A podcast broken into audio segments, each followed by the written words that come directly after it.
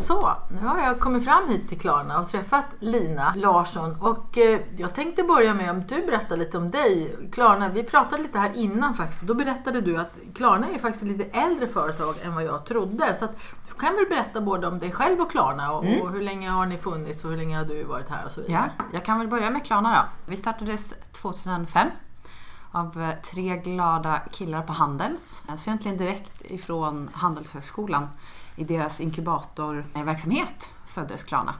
Och de var med i en, en pitchtävling och blev totalt sågade och, och, och det var liksom mycket duktiga människor som sa att här kommer jag aldrig flyga. Det är en bra början, eller Ja. hur? Bli sågad av de kunnigaste. Precis, det är verkligen mot alla odds. Ja. Eh, och sen eh, hittade en affärsängel, killarna, och hon trodde på dem. Så drog det igång. Eh, och de här tre killarna var länge operativa. Nu är det bara Sebastian Siemtkowski som är kvar som vår VD, som är grundare. Medan Niklas Adelbert och eh, Viktor Jakobsson har skjutit ut sig. Viktor är fortfarande kvar som ägare men inte alls operativ medan Niklas har ju dragit igång sin jättehärliga Norrsken Foundation och gör mycket socialt eh, entreprenörskap där. Väldigt spännande bolag som du kan, borde du kika lite på om du inte har hört talas om dem. Jo, jag har hört talas om dem men inte Ja. kikat så mycket på. Så det, Nej. det ska vi titta på. Men Lina, när kom du in hit till Klarna och vad, Precis. hur kom det sig? Ja, jag började 2010 och eh, jag har varit med i gamet väldigt länge. Börjar bli liksom en fossil på Klarna. Inventarium. Precis, Ja, inventarium. Jag pluggade faktiskt industriell ekonomi på Chalmers nere i Göteborg och skulle då som alla goda iare bli managementkonsult Eh, och sökte på alla de fina firmorna. Men jag hade en väninna som eh, jobbade på Klarna som så fort jag träffade henne pratade så bra om det. Och så, ja men tjatar du så här mycket om det här bolaget ska jag väl i alla fall eh, göra ett försök. Så då gick jag på en intervju och blev kär. Tyckte att Klarna var ju helt fantastiskt. Då började jag min karriär på Klarna som projektledare. Mycket intern projektledning. Städa upp. Det här var ju då i, i, liksom i lindan så det fanns ju inga systemstöd och det var mycket som gjorde manuellt. Och en sån basal sak som att veta hur många anställda vi har, det var liksom en svår utmaning för att vi inte hade systemstöd och sådär. Aha, okej. Mycket skjuta från höften och så. Mycket Fånga skjut- möjligheter i flykten liksom. Ja. Precis. Eh, Och det är ju, det är, Klarnas snabbhet är ju en av sakerna som gjort att vi, vi är så framgångsrika. Men eh, det har ju varit mycket barnsjukdomar och mycket växtverk och så. Så att, eh, i början så fick jag ta hand om mycket av det. Försöka se till att bolaget växte och gick från en bebis till någon slags toddler som börjar gå. Ja, då säger jag som mamma till två vuxna barn här att du ser ju att det var ju du som var själva förutsättningen att de kunde växa. Det måste någon som håller, håller upp bakom och ser till att det funkar och koka makaroner och sätta på plåster som jag brukar säga. Exakt, det var mycket koka makaroner och sätta på plåster. Och sen efter sex år som projektledare i alla möjliga små och stora projekt eh, så kände jag att det var dags att göra något nytt. Eh, och då hade jag gjort eh, som projektchef för vår expansion här på Sveavägen, vårt nya flaggskepp, hårt kut här. Så när det var dags att göra någonting nytt och jag ville testa på formellt ledarskap så öppnade den här rollen upp sig som kontorschef. Och jag hade mycket erfarenhet ifrån våra globala kontor. Jag öppnade bland annat, gick live i USA, Storbritannien och lite sådär. Så att jag hade stor kontaktnät på Klarna globalt. Så då bestämde man sig för att rollen skulle bli en global roll. Innan hade man mer eller mindre skött alla kontors eh, grejer från respektive land. Så att om det var en säljchef som bodde på den här sidan stan och gillade rosa så blev det ett kontor på den sidan stan i rosa. Medan man då för tre år sedan tyckte att Nej, men nu ska vi försöka få mer ordning och reda och inventera liksom hela kontorsparken. Eh, så med min bakgrund inom Klarna med så stort kontaktnät så tyckte man att det var perfekt att jag tog den rollen. Eh, så tre år nu har jag krigat för att sätta en standard på Klarna. Hur ska en arbetsplats eh, se ut? Vad, vilken service får man? Hur fungerar det? Hur kan vi se till att våra anställda blir så effektiva som möjligt? Mm. Och sen så eh, har ni växt förmodligen under den tiden också då, för det gör ni hela tiden. Ja. Eh, För att när du klev in i det här som vi ska prata om nu, det här med ert nya kontor som ni då skulle valde att gå till det som kallas för aktivitetsbaserat och utan egen arbetsplats. Då var ni 500 och sen berättade du förut att eh, då blev ni 600 under den resan. Ja, som ju ändå var- bara tog sex månader så det är väldigt, väldigt kort tid. Mm. Och eh, vi ska faktiskt prata lite grann om det idag och sen ska vi prata ännu mer om vad som har hänt sedan dess. Precis. Eh, Men jag har hört det på några konferenser och då har du berättat om det här att eh, du fick ett uppdrag. Mm. Och hur länge sedan var det då som ni började tänka på det här nu? Det, Ja, det, det var en väldigt spännande resa för då som eh, projektledare började vi ju leta kontor ungefär tre år innan vi flyttar in. Och vi hade ju satt allting och var klart och sen var, hade vi en, en ny person i ledningen som kom ifrån en transformation till aktivitetsbaserad inom ICA. Och när han kom in i ledningen så sa han, det här ska ju Klarna också göra såklart. Eh, och jag är svettig som bara den och bara, men det är ju bara nio månader tills vi ska flytta in och allt är ju planerat. Men nej, det som är det härliga med Klarna att eh, det är snabba puckar, snabba förändringar.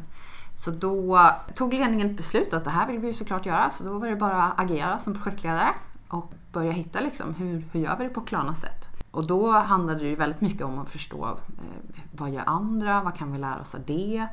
Hur gör vi det här på rekordtid så här snabbt? Och hur får vi med oss en hel organisation på den här resan? Det är ju inte helt lätt att få folk att släppa sitt skrivbord och börja tänka nytt och skapa ett nytt beteende i det fysiska. Så det var en utmaning. ja, det kan jag tänka mig. Men det ni hade från början i alla fall, det du hade var ju att ledningsgruppen var ju med på det här. Och det Ja. säger ju alla förändringsledare som, som jag har pratat med här i podden också att det är ju första steget. Mm. Men jag vet ju att du fick ju säga till dem också att Mhm. det är do or die. Sa du att eh, antingen så gör vi det här all in liksom, Mm. eller också så kommer det gå åt skogen. Hur, Ja. hur, hur mycket var det där i ledningsgruppen att ni fick brottas med varandra och verkligen sätta Nej, men- nu kör vi. Ja, det är klart att även ledningsgruppen var lite splittrad i början. Men, men som sagt, jag var supertydlig med att det är in eller ut liksom. Inga skillnader där. Och när de hade bestämt sig då, och det är också det häftiga med Klarnas ledning, det är ju när, när man kör, då kör man. Teamet är ju väldigt modiga. Så att då körde vi och eh, jag var faktiskt så fräck så att de fick signa lite papper. Ah, det, det där ska jag ta med, ta med alla förändringsledare som lyssnar nu. Ta fram ett papper Ja. i denna digitala tid för då blir det lite så här, oh. Ja, eh, och sen så var jag också väldigt noga med att den här förändringen kommer inte från mig och projektteamet. Vi var det är såklart inte bara jag som har gjort det, vi var ett stort projektteam. Men, utan att kommunikationen till organisationen fick gå via ledningen. Så att varje person i ledningen fick då ta med sina mellanchefer och också pressa ner ansvaret på mellancheferna. Att mellancheferna fick ta det med sina chefer eller teamleads eller direkt med anställd. Så det var liksom inte så att projektet kom med den här informationen utan det var väldigt tydligt sanktionerat från ledningen. Och då blir det också väldigt svårt för ledningen att sen backa på det. Jag tog dem lite sådär, kidnappade dem lite, tar dem lite i gisslan. För om de har då suttit och pratat med sina mellanchefer om att varför det här är viktigt och vad vi ska göra och liksom försökt peppa igång dem så är det ju svårt att sen börja gnälla i hissen eller tycka att någonting inte funkar och sådär. Då får man ju stå för det för då har de ju stått och sagt det inför alla sina chefer. Mm. Och sen också lägga ansvaret på mellancheferna för jag tror att det är där mycket av förändringen sker. För om, för om du som anställd får gehör av din chef så är det väldigt enkelt att vara emot någonting. Men om du får, inte får gehör utan får en förklaring eller en förtydligande varför det är, vi gör det här av din direkt eh, rapporterande chef så, så är det ju lättare att få med alla. För att Mm. eh, det är ju det är mycket folk som ska med på tåget och då gäller det att det är ju när alla förändrar sitt beteende som det här funkar. Ja, det har jag tänkt på många gånger när jag håller kurser att när jag har grupper där chefen också sitter med Mm. i gruppen och är en av dem som ska förändra sig Mm. och kanske är nästan övertydlig med att "Men jag kan inte heller det här, det här är Nej. nytt för mig också men jag tror att det är bra för oss Mm. allihopa om vi gör detta. Mm. Det blir ju jätte, jättebra. Mm. Och då får jag också väldigt mycket konstruktiva frågor och, och, och fra, vad ska man säga, framåtriktande frågor. Mm. Att man vill lösa någonting eller man har en idé om så här ser det ut för mig och hur skulle det kunna funka om jag gör så här. Mm. Eh, och då bidrar det också till hela gruppen om man får det Mm. samtalet. Mm. Så att, eh, att ha cheferna med på tåget som, som en liksom i den som också är berörd av det här måste ju ha varit väldigt Mm. starkt. Vi var, vi var ganska modiga när vi höll de här utbildningarna och liksom första kommunikationen för vi tog upp i workshops men vad är det värsta som kan hända i det här scenariot så att alla fick liksom ventilera det värsta och sen också avsluta sessionen på en positiv not. Så, men vad är det vi kan få ut av det här? Vilka möjligheter ser vi? Vi vågade liksom ventilera både dåligt och bra i ett formellt forum. Så att det inte blir så att, att man bara pratar om det positiva i ett formellt forum och sen blir det negativa. För det, det, man måste ju hantera det också. Så att det inte blir liksom rykte på gatan eller vid kaffemaskinen sådär. Utan mm. att nej, men nu har vi ju pratat om vad du är rädd för eller vad vi tror ska Eh, liksom hindra oss från att skapa en effektiv arbetsmiljö. Och att gjort det i ett, i ett formellt forum där vi också svarar upp på det och de frågorna vi inte kunde svara på kunde vi säga tack för inputen, det här tittar vi på och så kunde vi återkoppla med okej okay, de här tre sakerna hade vi inga bra på svar på sist. Här, nu har vi tänkt igenom det, så här skulle det fungera eller så här eh, skulle du som anställd bli påverkad. Eh, och jag tror att det var väldigt upplevdes som väldigt positivt att man inte försöker liksom skjuta något under mattan och bara låtsas att det är bra grejer med det. För det är inte det. Det finns för och nackdelar. Man har det här scenariobygget, det är ganska viktigt. Och mm. man tänker, om man tänker på sig själv som privatperson så är det det man oftast gör när det blir riktigt bra. Då gör man scenarios helt enkelt. Om man ska göra en en resa. Ja, men man kanske packar både skavsårsplåster mm. och, och huvudvärkstabletter och, och så vidare. Och så kanske man har en vattenflaska med sig. Och. För man tänker ja, men det kan hända att jag blir törstig eller mm. att jag får skavsår. Då löser vi det. Mm. Fast det kanske inte händer men vi gör det ändå för mm. säkerhets skull. Mm. Och får då medarbetarna de här signalerna att men vi får tänka både på positivt och mm. negativt. Och vi kanske ska ha en regnjacka eller något i den stilen. Ja, och sen så kör man och då vet man att vi har, vi har tänkt, vi har det i bagaget om det behövs. Jag vet inte hur du upplever det, men alltid när jag packar regnjackan så regnar det ju aldrig. Nej, precis. Så det, det är så oh, jag tänkte, att man, om vi tar upp det nu så kanske det inte händer. Absolut. Nej, men jag packar både, jag har regnjacka och paraply brukar ja. jag ta. Då brukar det alltid bli väldigt bra faktiskt. Och blir det då inte riktigt så bra, men då rycker man bara på axlarna och tar fram paraplyet. Ja. För man har ju ändå tänkt. Mm. Ju mer man tänker innan och just det här med, med scenarios, vad kan hända både i positiv och negativ mm. bemärkelse. Man packar ju naturligtvis solkrämen också. Ja samtidigt. Mm. Och då, har man ju, då är man riggad. Mm. Och som du säger, känner man sig förberedd och att eh, man har pratat igenom saker och ting, då blir det ju mycket mm. tryggare på själva resan. Och man får tid att uppleva mer också. Man mm. får tid att upptäcka de här mm sakerna som faktiskt finns. Det som jag tycker är tråkigt när man inte gör de här förberedelserna och kanske framförallt inom mitt område då, inte de får lära sig att jobba på det här rörliga sättet. Då skapar man dels osäkerhet men också att de här miljöerna blir inte utnyttjade fullt ut. De har ju kostat mycket pengar men de är inte utnyttjade. Och sen också varför ska man ha medarbetare som är helt eller delvis otrygga? Nej. Det blir ju inget bra alls. Då kommer man ju ingenstans som organisation. Nej. Så att maximalt med trygghet. Och då mm. skapade ni det genom att göra de här scenariobygget mm. och, och tänka vad ska vi packa mm. med och också visa att ni lyssnade genom att mm. ni besvarade de här frågorna mm. sen. Ja.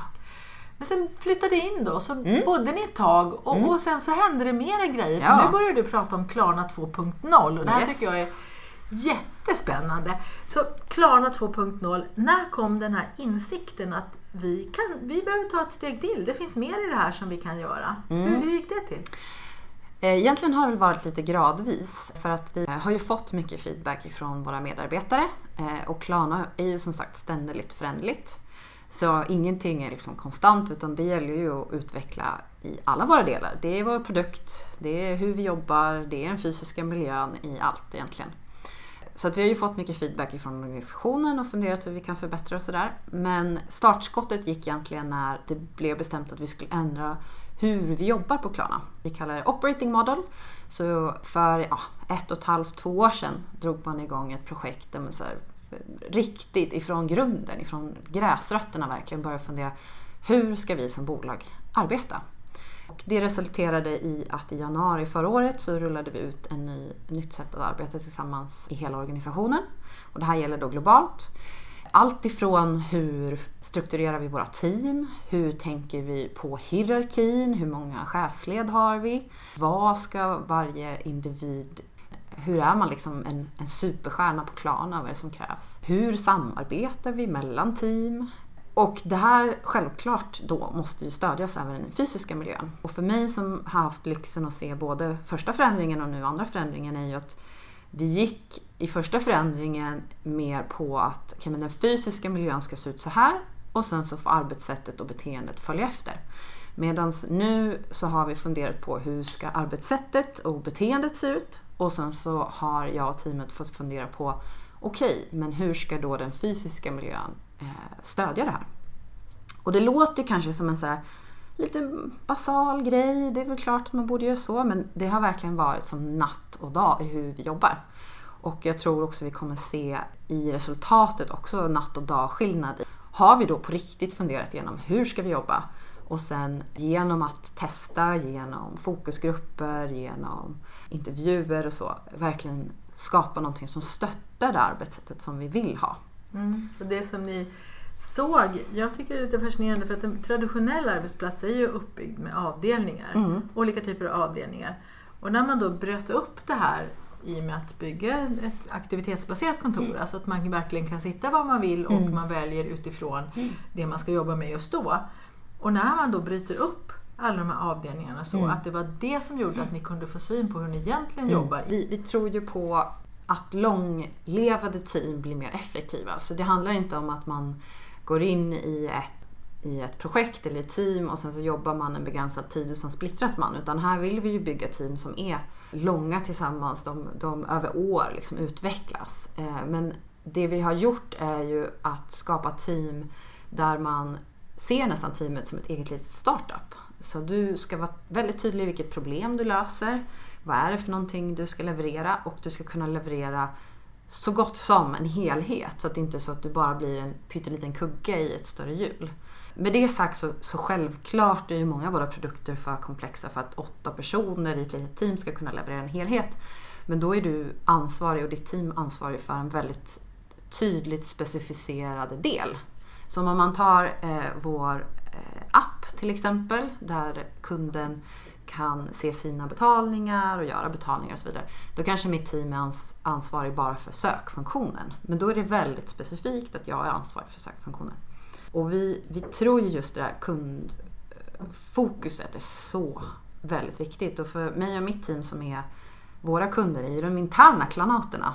Eh, och det har ju varit en utmaning för oss, just att inte få den där pingiseffekten att, att våra anställda flippas runt i organisationen för att man har en fråga här och en fråga där utan hur vi kan streamlina se till att vi kan hjälpa alla dina saker. Eller om jag och mitt team inte kan hjälpa dig så ser vi till att eh, transformationen mellan hjälpen jag ger och nästa team för dig inte upplevs utan du får bara svar på dina frågor utan att du kanske förstår att det är fem team som är inblandade. Men där har vi fortfarande en lång resa kvar.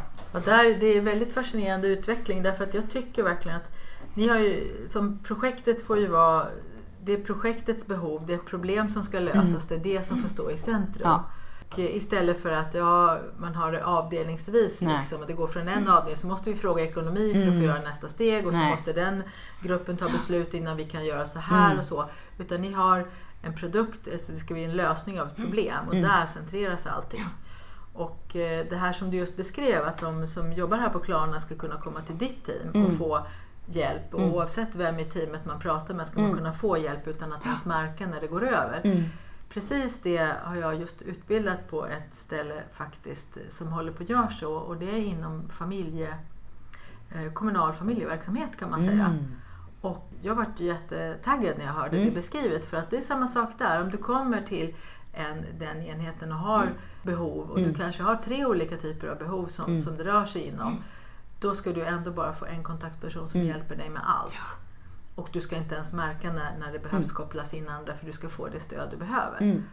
Och det här tror jag mycket är framtiden. Och just Mm. att man kan att man kan få syn på det när man går in i Ja. ett nytt arbetssätt. Mm. Vad är det egentligen vi gör? Hur ska vi egentligen, hur ser vår produkt ut? Ja.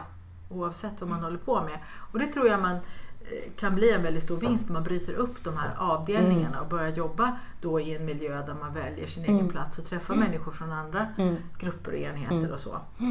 Är det någonting man behöver tänka på när man ska sätta igång med en sån här förändring? Då? Hur gör ni för att preppa er för, för de här stegen som ni tar? Mm.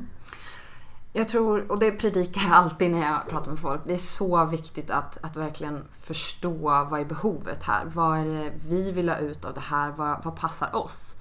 Eh, för när det kommer till den fysiska arbetsmiljön är det väldigt enkelt att se att ja, men de har gjort det eller de har gjort det där eller här har de gjort på det här sättet. Men eh, om inte era organisationer, vilket är väldigt osannolikt, är väldigt, väldigt lika så kanske den lösningen inte- helt enkelt inte funkar. Så det är ju att börja förstå vad, vad är det vi vill ha ut av det här? Vad är det vi ska skapa nu då? Vad är det för beteende nu, eh, den fysiska miljön ska stödja?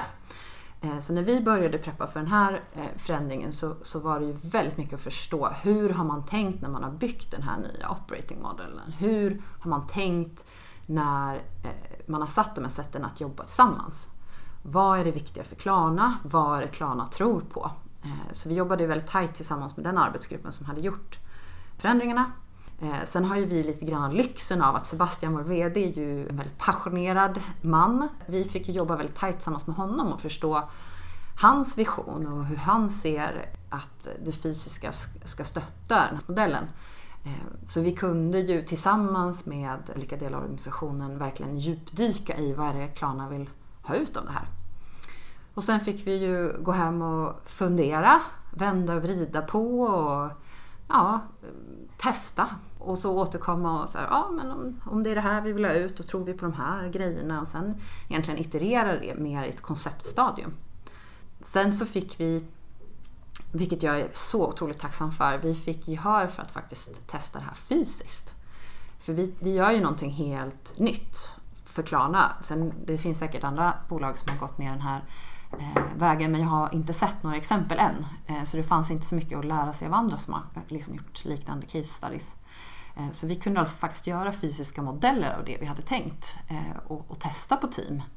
Och där lärde vi oss ofantligt mycket. Eh, vi hade ju i vissa avseenden tänkt helt fel. Eh, Och det blir ju ganska förödande om man rullar ut en lösning på tusen pers och sen får man backa den. Ja, Eh. det brukar jag också säga. Liksom de som eh, säger vi tänkte börja en liten testyta så är det bara ja, det är Mm. jättebra. Mm. Gör det om ni kan. Mm. Så man inte får hela den här stora flytten för, för tusentals personer liksom på en gång. Nej, och jag tror att man måste ha en väldig respekt för att det är människor vi har att göra med. Hur mycket vi än tänker smarta idéer eller modellerar eller tittar på statistik eller tittar vad andra har gjort.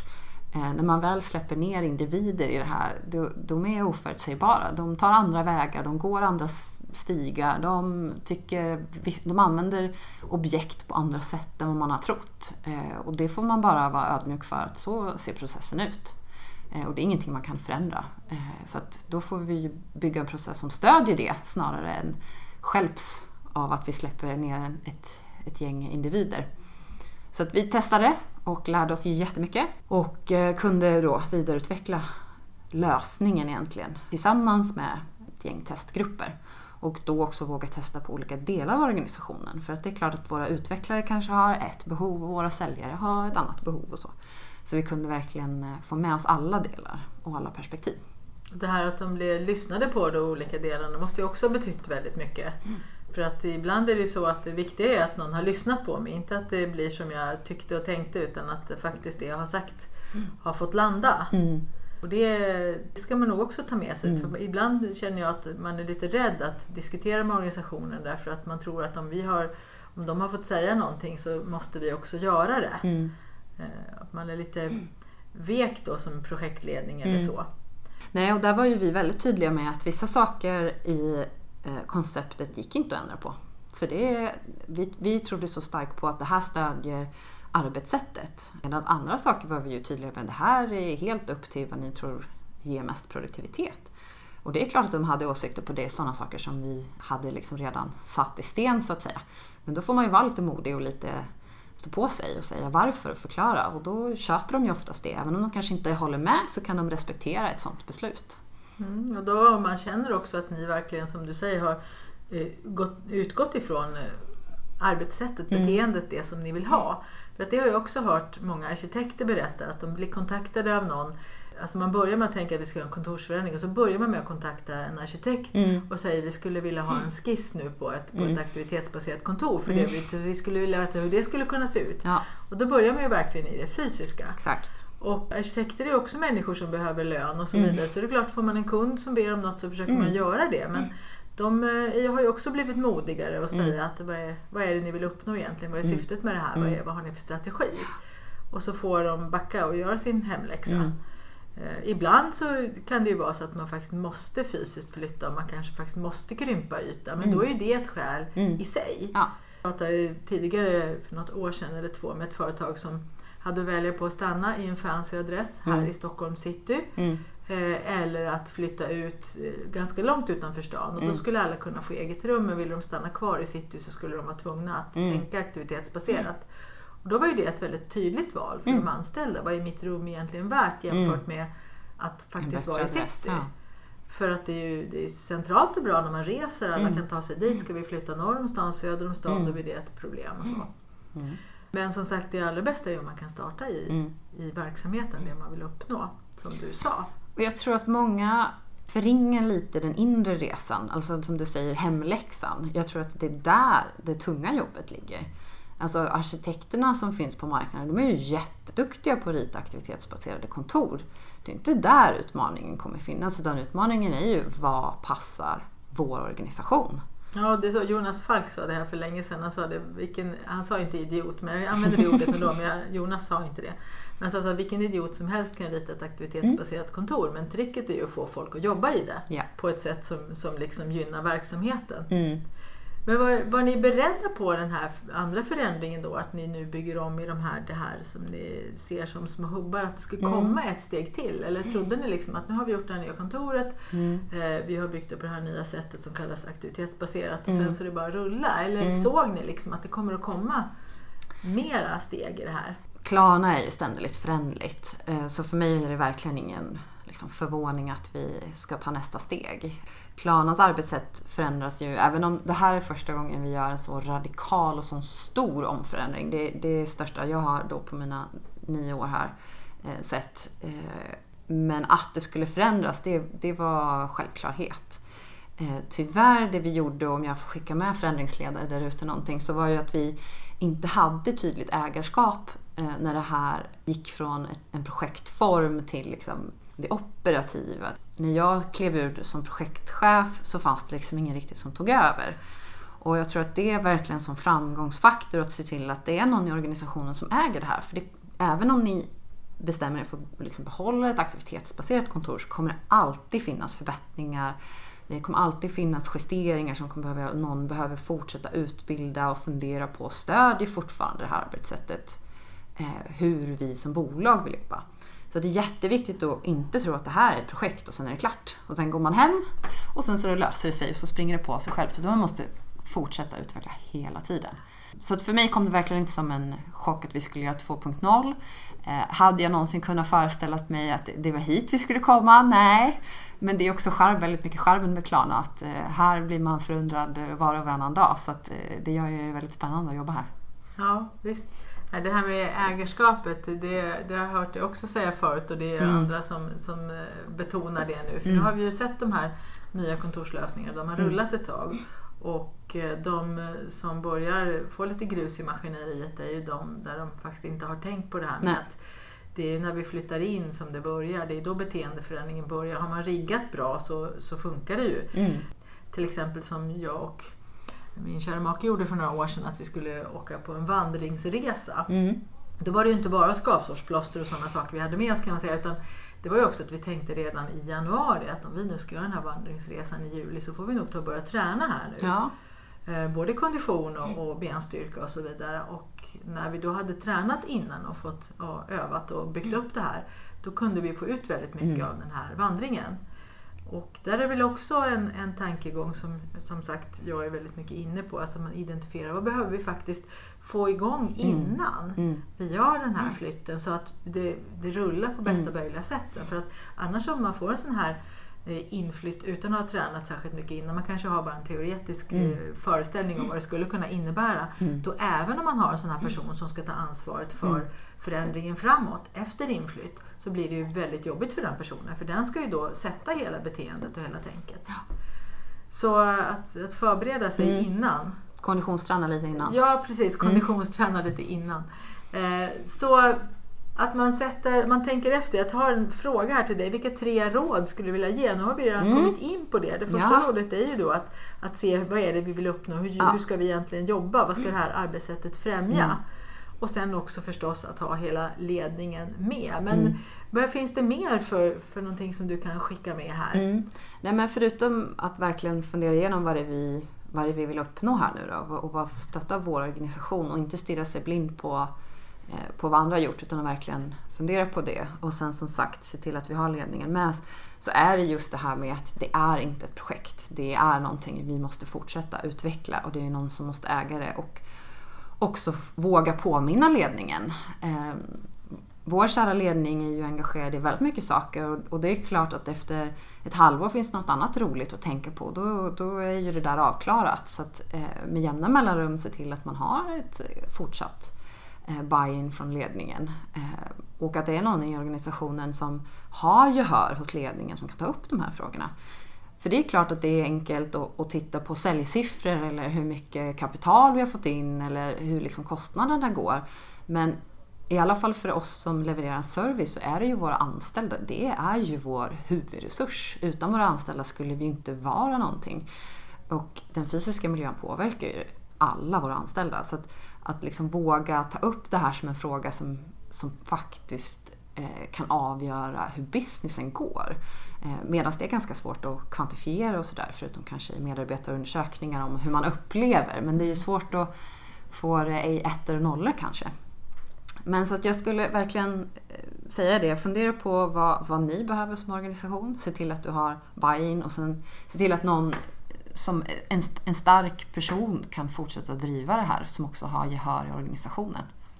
Ja, och det kanske till och med ska vara en person som driver det fram tills det är dags och sen en annan som tar mm. över. För det krävs olika personliga skills och olika Verkligen. verktyg för att göra det. Verkligen.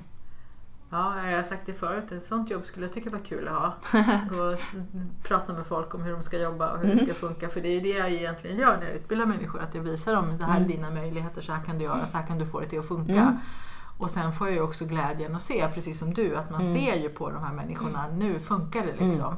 Mm. Det är ju det som man, man lever för lite grann, mm. att se hur det blir bra för andra människor. Mm. Jag antar att det är som kontorsansvarig, det är också din mm. passion.